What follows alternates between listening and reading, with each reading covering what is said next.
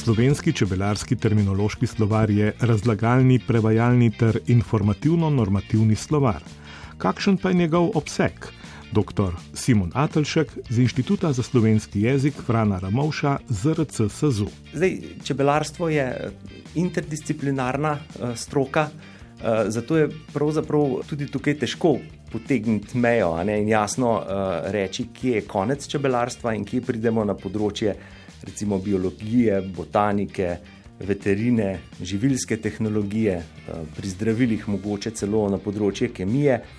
Ampak za orientacijo mogoče lahko povem, da smo imeli na začetku projekta smo imeli seznam z blizu 5000 uh, enot čebelarske terminologije, potem se je pa seveda v procesu redakcije slovarja se je pa ta obseg nekoliko um, skrčil, tako da je v slovarju danes nekaj čez 3000 uh, čebelarskih terminov.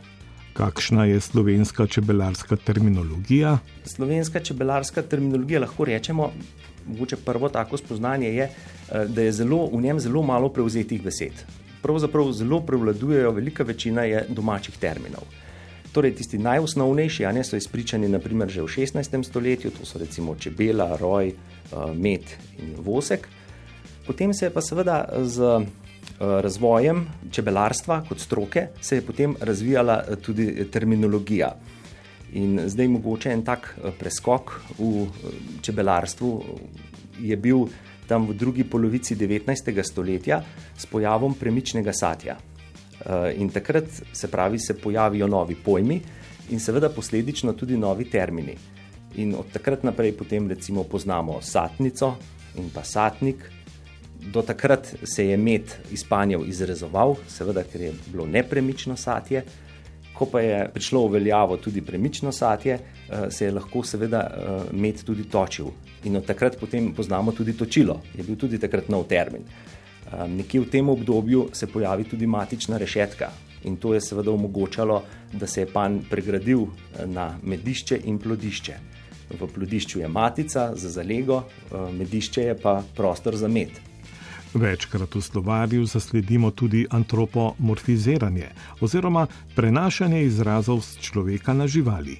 Ja, eh, to je ena taka zelo očitna značilnost čebelarskega izrazja poleg tega že pregovorno znanega primera, da čebela umre, medtem ko vse druge živali eh, poginejo, eh, lahko najdemo noter še veliko takih primerov. Naprimer, čebela je lahko dojilja, eh, plesalka, eh, čistilka.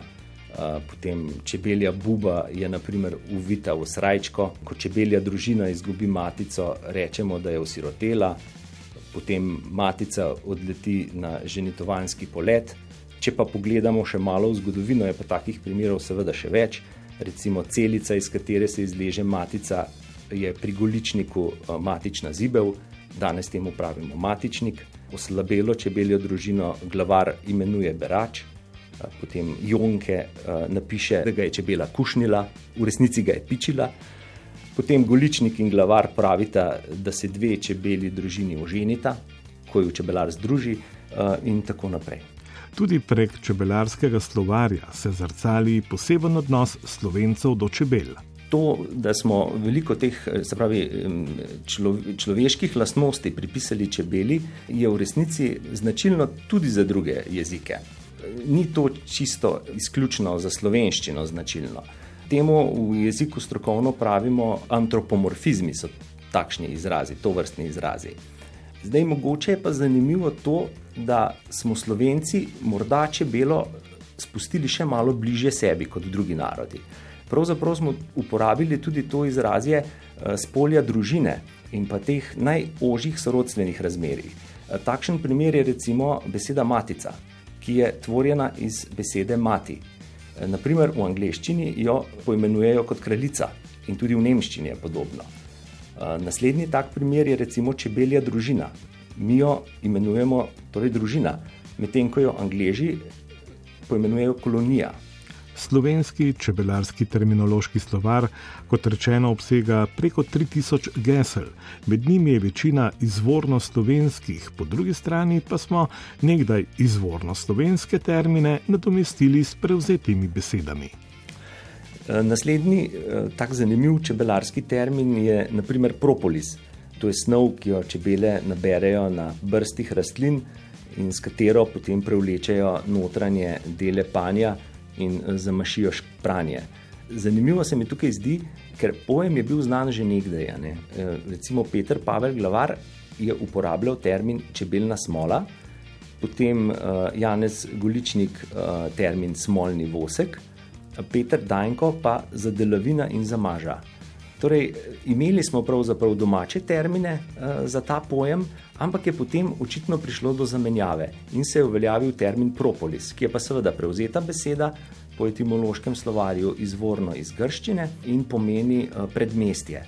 Uh, in tukaj je pravzaprav tudi ta metafora uh, precej jasna. Ne? Predmestje je tisto, kar je okoli mesta, propolis pa čebele uh, nanašajo na robove svojega gnezda. Tudi sinonimija je značilnost slovenskega čebelarskega izrazja. Ja, tudi sinonimija je uh, bogata v čebelarski terminologiji. Zdaj, mogoče še bolj bogata je bila v preteklosti, v zgodovini. Uh, recimo, spomnim se enega takega primera, recimo pri Petru Dajnku, ki je bil avtor enega prvega uh, čebelarskega priročnika v slovenskem jeziku. On, naprimer, za trota uh, navaja sinonime čelak, čelni možak, uh, ležak in pa trubec. Ne, ležak je pravzaprav beseda, ki je bila izpričana že prej, ampak v pomenu lenuh. Tako da tukaj gre pravzaprav za neko metaforo, ne, ker troti ne prinašajo medu v panici, zato očitno poimen, so jih poimenovali tudi ležaki.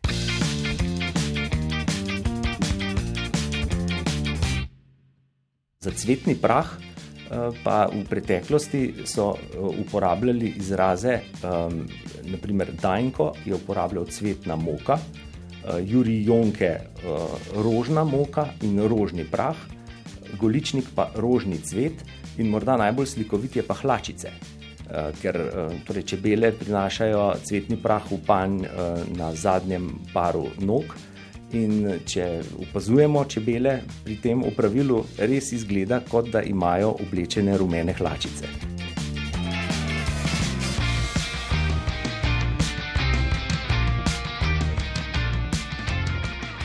Naprimer, zanimiv čebelarski eh, termin je mana, eh, ki označuje izloček listnih ušic in kaparjev, eh, ki ga nabirajo čebele in v panju eh, z izločki svojih žlez uh, predelajo umet. Torej, to je starejša beseda, ki je izpričana že v 16. stoletju in sicer uh, v svetopisemskem pomenu kot hrana z neba, ki jo je Bog pošiljal Izraelcem.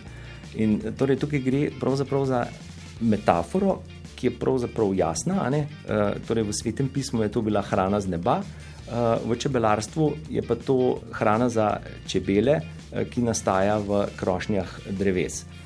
Prvič sem eh, ta termin zasledil pri Juriju Jonkeju in sicer v njegovem delu Kranski čebelarčik iz leta 1836. Eh, je pa to tudi danes uveljavljen čebelarski termin in potem se z njim tvorijo tudi besedne zveze, naprej, naprimer mana umet, manina paša, smrekova mana, hojeva mana in tako naprej. Uh, naprimer, um, Peter Pavel Glavar in pa I, I, Peter Dajnko sta pa za ta pojem uporabljala termin medena rosa, ki se pa tudi, še, tudi ga najdemo lahko v našem čebelarskem terminološkem slovarju in se tudi se še pojavlja v rabi. Vsekakor pa tudi čebelarska terminologija ni statična. Z razvojem čebelarskih tehnologij se pojavi tudi potreba po novih izrazih. Tu je vedno tako gre. Razvoj terminologije gre vedno nekako z roko v roki z razvojem stroke. In če je stroka, se pravi, eh, dobro razvita, eh, je potem tudi terminologija posledično. In z razvojem seveda prihajajo eh, v stroko novi pojmi in s tem posledično tudi potreba po novih terminih. Zdaj te poimenovalne vrzeli, ki nastajajo, se pa potem zapolnjujejo na različne načine. Lahko se s kakšnimi besedotvornimi postopki, v čebelarstvu so zelo pogosti tele pomenotvorni, torej, kot smo že omenili, antropomorfizmi, lahko pa seveda tudi s prevzemanjem iz tujih jezikov.